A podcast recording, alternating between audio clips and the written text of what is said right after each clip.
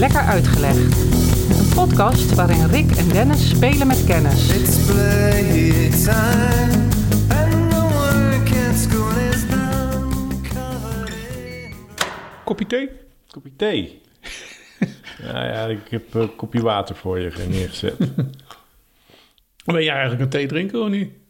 nou, de laatste tijd wat meer. Ik greep altijd automatisch naar koffie iedere keer.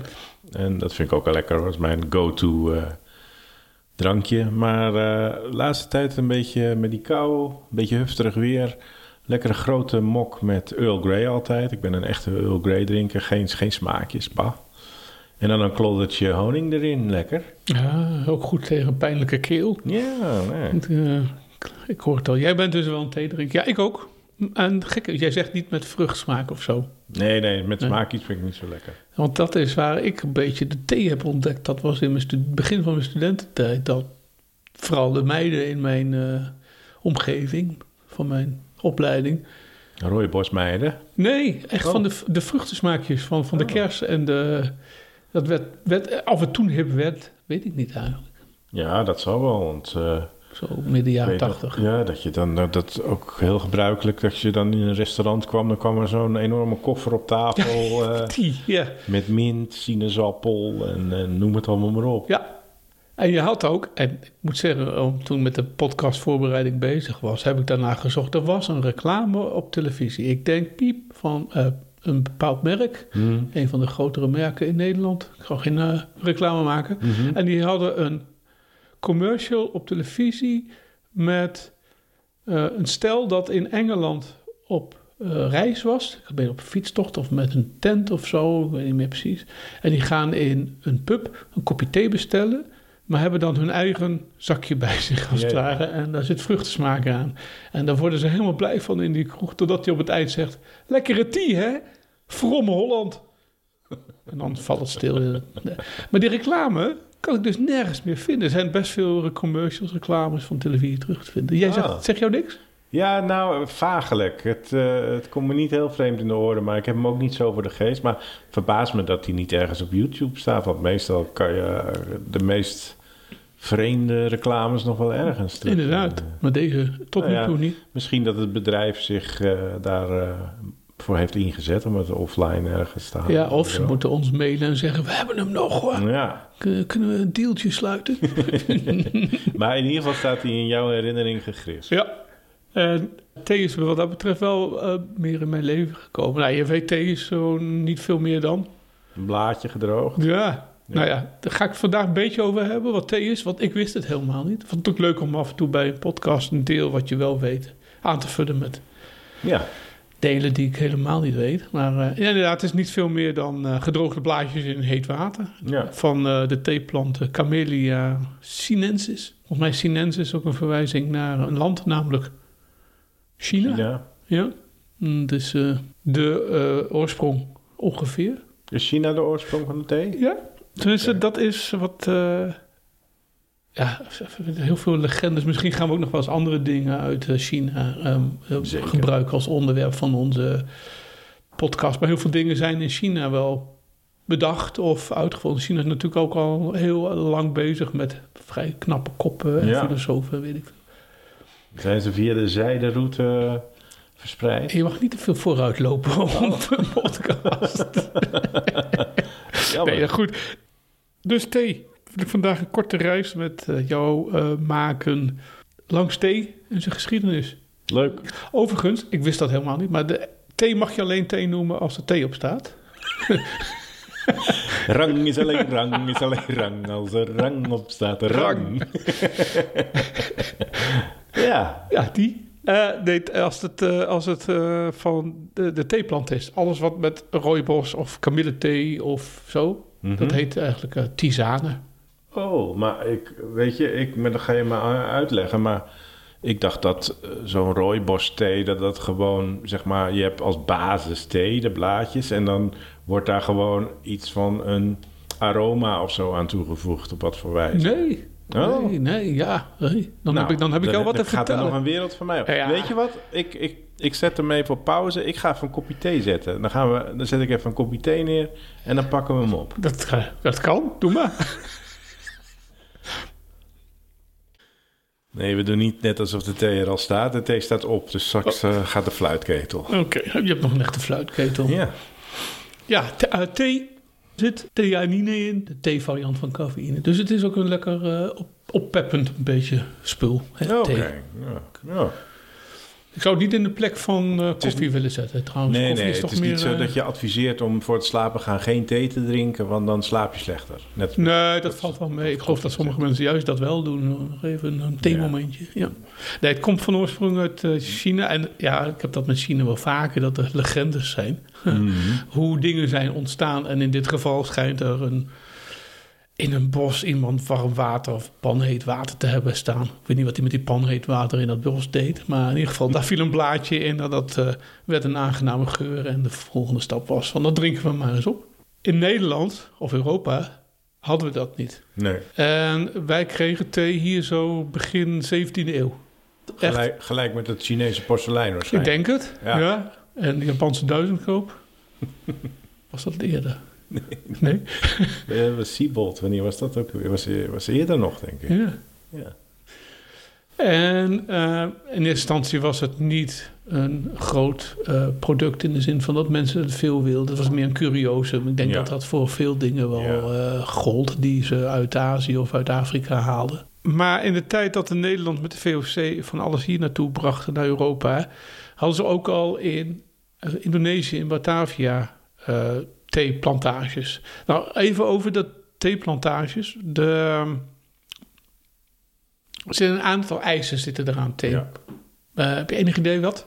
Nou, eh, als ik, eh, ik ben wel eens op een theeplantage geweest. Dat was mijn volgende vraag eigenlijk ook. En ja, ik heb altijd wel het idee dat daar een bepaald klimaat voor nodig is. Een vrij vochtig klimaat. En terrassen, wordt het niet op terrassen gehouden? ook. En eh, mm, nou, ik denk een stukje warmer dan hier. Je noemt eigenlijk wel het belangrijkste ding. Het, eh, Ja. De meeste thee wordt verbouwd op ergens tussen de 1000 en 2000 meter hoogte. Ja. Dus eh, op bergkammen, berg, op heuvels, op eh, Mhm. Alpen. Eh, tussen de kreeftkring en de steenbokskring. Ehm, dus eigenlijk alles zo tussen eh, rond de Evenaar. Ja. De- vandaar dat wij het hier ook niet kunnen Nee. kweken, kunnen telen.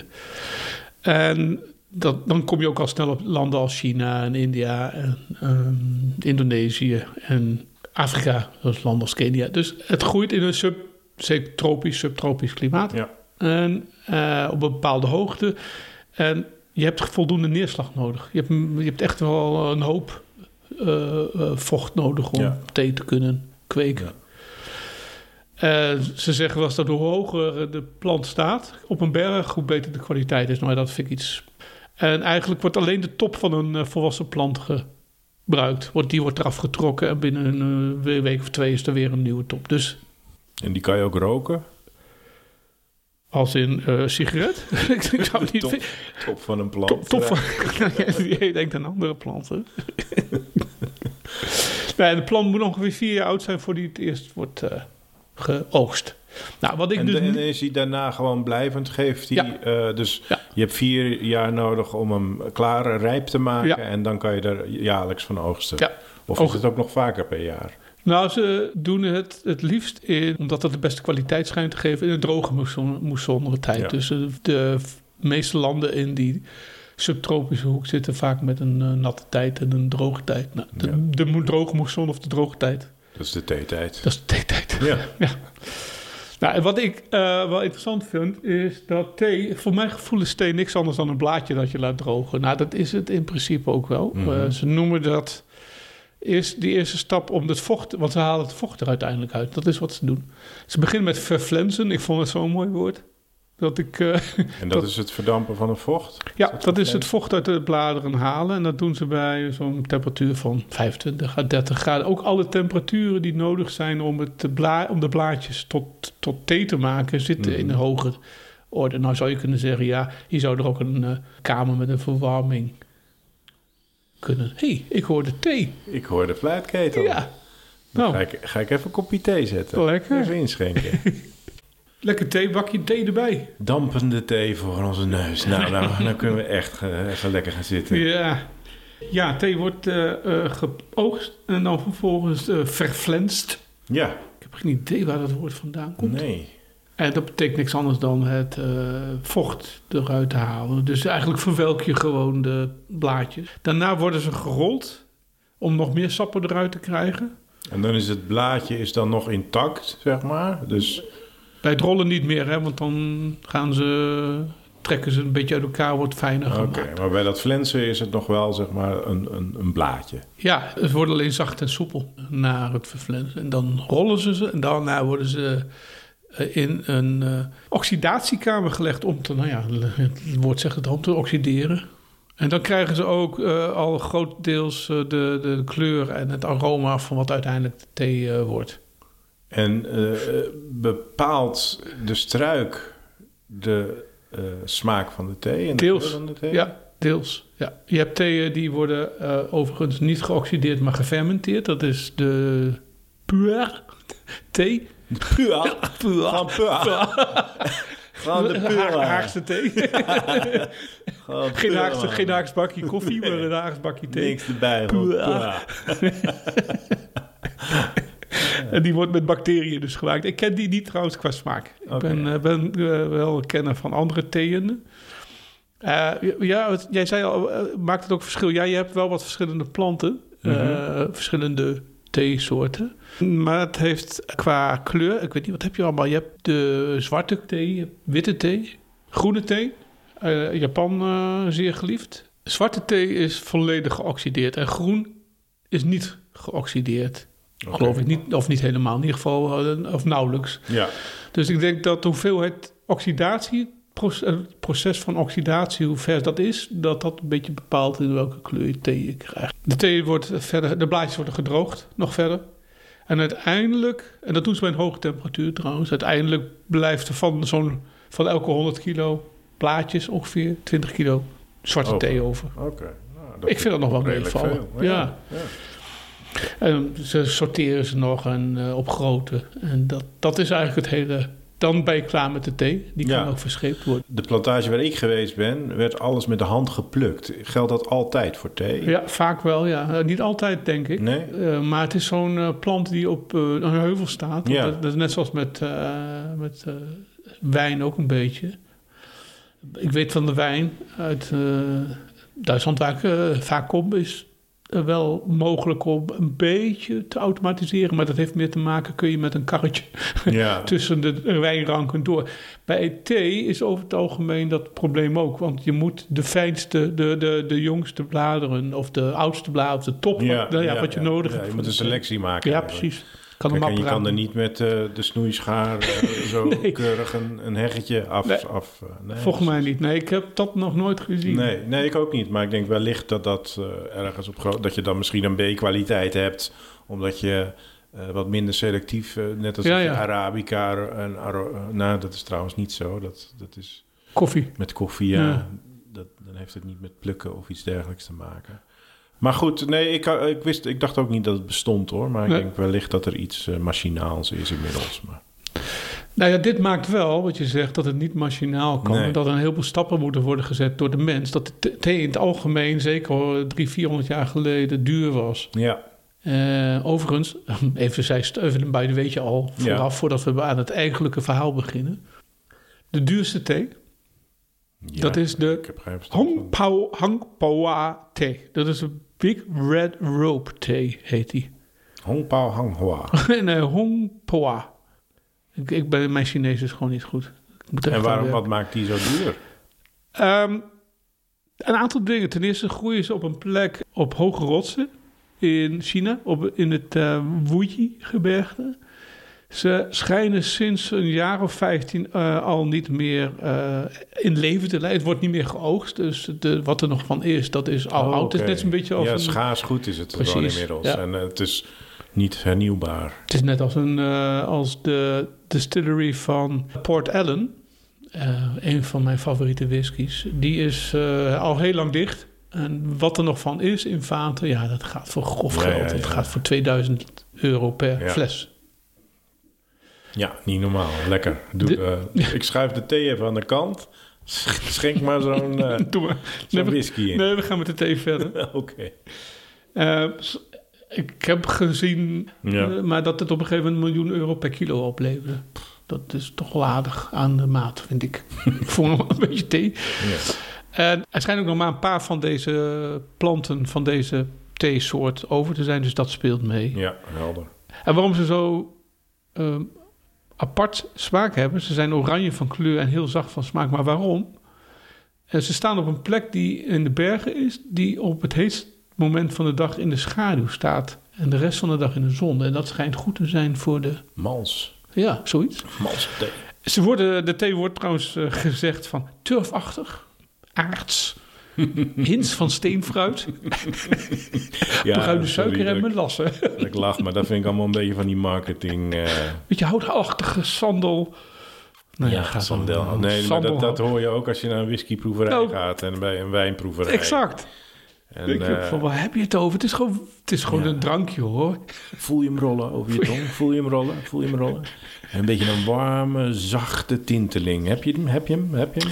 Het is Ja, inderdaad wat je zegt. Het is net ook alsof je het over whisky hebt. Trouwens over koffie, idem Ja, dito. Hè? ja, ja, dat hoort eh, erbij. Net zoals die dure koffie.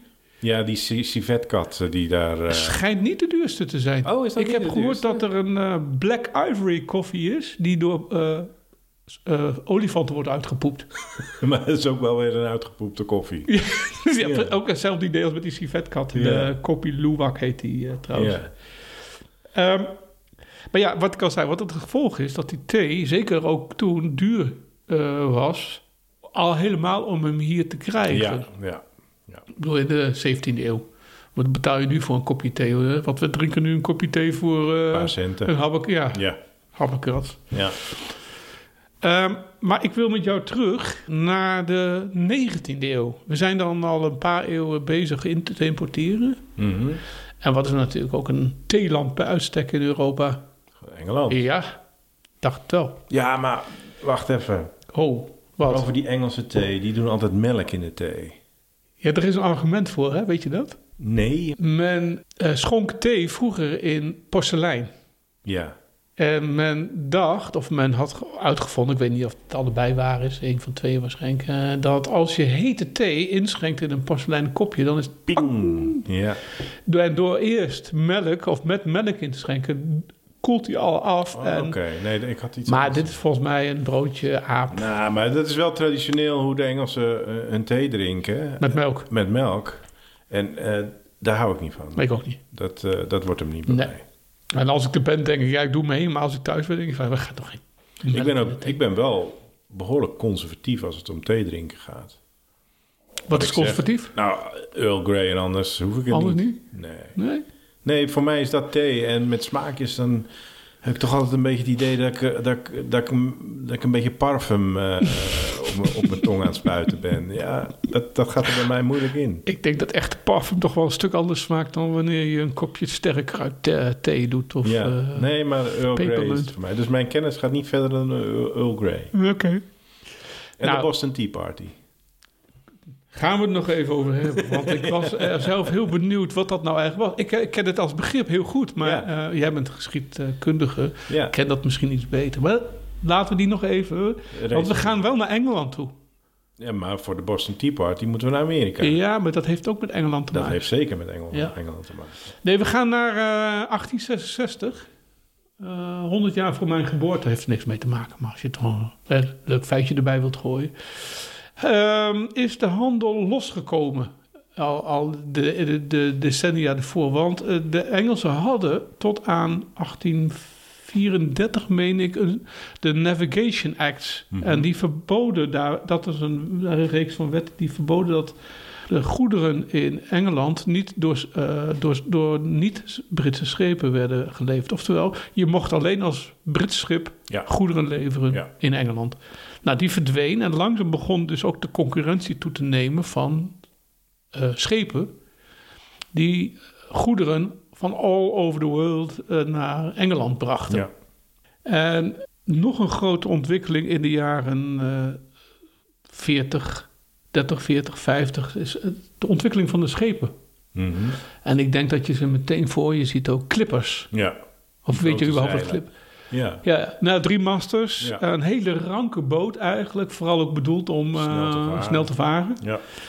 En, en in eh, Schotland, in Glasgow, werden er heel veel gemaakt. De Amerikanen werden heel goed in het bouwen van schepen. Mhm. Het ging zelfs zo ver, en dat is eh, wat het onderwerp van vandaag is. Het gaat vandaag over de Great Tea Race of 1866. De grote theestrijd, theerace. Ehm, die dat had te maken met het feit dat eh, al een paar jaar, hoor, het was niet de eerste keer dat het gebeurde, maar 1866 is, eh, is een belangrijke geweest. Het was het op een kantelpunt ook van een aantal dingen. De, we beginnen ermee, wat was er aan de hand? We, eh, de oogst van thee was vaak in mei Mhm. in China. En de grote theerace, dat was een race waarbij... Het was geen officiële race trouwens hoor. Nee, in de nee, zin dat- van dat men, eh, Nee, dat, dat men van eh, iemand met een pistool klaar stond Nee. om ze weg te schieten. Nee, het was een inofficiële race. Maar officieel deden er wel een aantal... Nou ja, ook wel officieel. Er deden veel boten aan mee. Die laden zo eind mei, begin juni hun eh, balen in. Mhm. En dan was het eigenlijk de bedoeling om zo snel mogelijk naar Londen te komen. Dan, dat was een beetje het punt. De De, markt op. markt op, ja. Ja. We hadden nog geen vliegtuigen, we hadden nog geen auto's. Dus het snelste treinen waren we nog nou. Het snelste vervoer bleef over zee, over water. En dan was het zo dat de eerste die, die aankwam, die had de beste prijs. Nou, dat is het leuke van het verhaal. Eh, ze vertrokken eh, mei. Mm, En er waren een vijftal boten die zaten, vijftal klippers moet ik zeggen, die zaten echt heel dicht op elkaars hielen. Af en toe, want je moet even voorstellen, ze voeren van Fujian, dat is tegenover Taiwan ongeveer, zuidwaarts. Dan kom Ja. je in eh, Indonesië. Daar schiet je tussen Sumatra en Java door, denk ik. Steken ze de Indische Oceaan over, onder Zuid-Afrika door, richting Azoren, naar Londen. Ja. Dat is een reis van, ik meen zo'n 25.000, 26.000 kilometer. Ja, gaat meer dan de helft van de wereld rond eigenlijk. Ja. Die deden er eh, een dag of eh, 99 over. Toch nog. Nou, dat vind ik best lang. ja, Drie maanden. Dik drie maanden. dik drie maanden. Ja, ze kwamen begin september kwamen ze aan in, eh, in Londen. En nou is het leuke ervan dat er waren een aantal boten. Je had de Taiping, de eh, Ariel, de Serica, de Fiery Cross en de Taitsing. Dat waren de boten. En Taitsing was geloof ik gemaakt ook in, eh, ondanks zijn naam, lijkt een beetje een ja, Aziatisch-Chinese Ja, ja, naam. ja, Het is een boot die gemaakt is in, in, in Glasgow, als ik het goed herinner. Doet toch niet door. Het aantal schepen wat dicht bij elkaar was, was dus waren deze vijf. En werd het toen ook al door Volvo gesponsord of niet? Nee, ik zat ook naar te denken, de oceaanrace. Hè? Ja, je krijgt echt zo'n gevoel van wie er als eerste is. Maar dit was wel de bedoeling, wie er als eerste Ja. in Londen was. En eh, in 6 september 1866, let wel, 99 dagen, 99 dagen gezeild. Mhm. Ruim 25.000 kilometer afgelegd.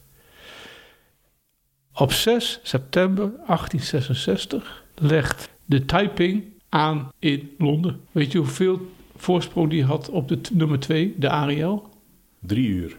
28 minuten. 28 minuten. Heb je zo'n eind gereisd, Ja. dan verlies je het. En dat had volgens mij ook te maken met eh, de getijdenwerking. Dus dat, dat speelde ook mee in hoeverre Ja. je snel naar binnen kon in, in Londen op de Theems.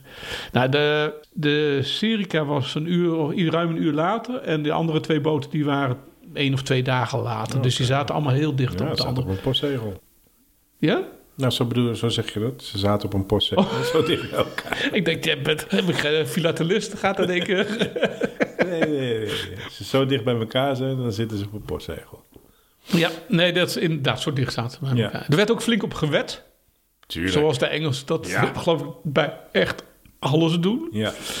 En eh, degene die won, dus de Taiping, eh, die won. Ja. En die kreeg, eh, en dat was ook de moeite waard echt hoor, voor Mhm. een schip. Die, die, die kreeg echt nog een goed bedrag ook voor het feit dat ze de eerste waren. En los nog van de weddenschappen. Ze hebben toen wel besloten, omdat het zo dicht op elkaar was en om hommeles te vermijden, hebben de Ariel en de Taiping besloten, of de eigenaar van de Taiping heeft besloten van, weet je wat, we delen het geld. Oh, netjes. Dus eh, dat daarom ook een beetje voorkomen dat, Olympische gedachten. ja, al, al, als, al 30 jaar voordat het eh, Ja. moderne Olympische Spelen weer aan eh, de slag ging. Nou, nou is het, vind ik interessant om te zien waar we welke tijd we zitten. We zitten 1866. De boten die gebruikt zijn waren zeilboten. Mhm. Maar wat komt er op zetten? De stoomboot. Eigenlijk weet iedereen eh, eh, al van nou, die stoomboot, dat gaat. Er was een andere boot, de stoomboot, de eh, Earl King. Die is ruim een week later vertrokken uit China. Met een hoop thee, maar ook passagiers. Dus een eh, boot die veel meer eh, kon meeslepen. En die was 15 dagen eerder in. Londen. Dus daarna heeft men toch wel gemerkt dat het niet meer de moeite, de moeite waard was om zeilschepen te Ja. gebruiken voor thee. eh. En ja, en dat kwam nog één ding bij. En dat was drie jaar later, 1869, voor de kennis van de zeil, zeevaart. Weet je wat er toen open ging? Eh, het Suezkanaal. Inderdaad. Op dat moment, en daar konden geen eh klippers doorheen. Waarom? Waarom? En, Vanwege de... Was ongeschikt, de ja. En, eh, dan moet je natuurlijk de hele tijd heen en weer met de zeilschip. ja, je kunt, als je geen motor hebt, en Ja. die zeilschepen hadden nog geen Nee. buitenboordmotor, Nee. dus die konden daar niet doorheen. Maar het was wel, eh, er was een, in ieder geval de thee was een eh, zodanige commodity. Ik weet nooit wat het Nederlandse woord is. Zo'n zodanige handelsobject. Dat een, een theerace eh, de moeite waard was. Zeker in eh, de jaren 60 van de 19e eeuw.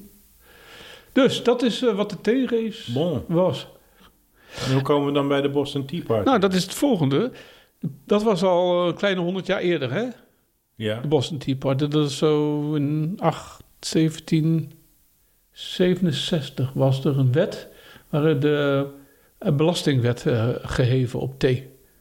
En de enige thee die naar Amerika kon, kwam van, Van de Engelsen. van de Engelsen. En dat had- zat de Amerikanen echt onwijs dwars. Ja, want de Engelsen hadden de macht in Amerika. Op dat moment nog wel, ja. precies. Ja. Dus ze zagen het als een verkapte belastingheffing voor de Amerikanen. Terwijl degenen die daar waren het idee hadden van... ja, maar wij bouwen dit land op. Wij zijn hier degene die land op de kaart zetten... en dan worden we eigenlijk bestraft... omdat we extra belasting moeten betalen voor de thee die we binnenhalen. Ja, nou ja, niet eens een verkapte. Nee, nee Het is niet eens gewoon, verkapt. eh, ja, wat die eh, Boston Tea Party betreft. Er kwamen wat problemen toen eh, in eh, 1773, want daar hebben we het over, zes jaar nadat eh, die belasting werd opgelegd. Gingen een aantal schepen naar onder andere New York en Philadelphia. Maar die konden meteen omdraaien eigenlijk, omkeren, want ze werden niet toegelaten. Nee, ze wilden het niet afnemen. Nee. En in Boston, en dat is het heel kort het verhaal van de Boston Tea Party, gingen een aantal Indianen aan boord, mannen als Indianen verkleed, moet ik zeggen, eh, van eh, het schip eh, de Dartmouth. En die hebben toen de theekisten overboord gegooid. Ehm, de Britten hebben toen de haven van Boston op slot gegooid en, en troepen gestuurd. En ja, wat is het gevolg daarvan? De onafhankelijkheidsoorlog. Ja, En Amerikanen zijn geen theedrinkers. nee. Nee, ik weet niet of dat samenhangt. Zo heb ik het nog nooit bedacht, maar daar kan je wel eens gelijk in hebben. Ik moet altijd denken aan die, bij die Boston Tea Party, daar gooien ze natuurlijk al die balen thee, gooien ze die haven in. Mhm. En dan moet ik altijd aan dat kunstproject van Wim T. Schippers denken.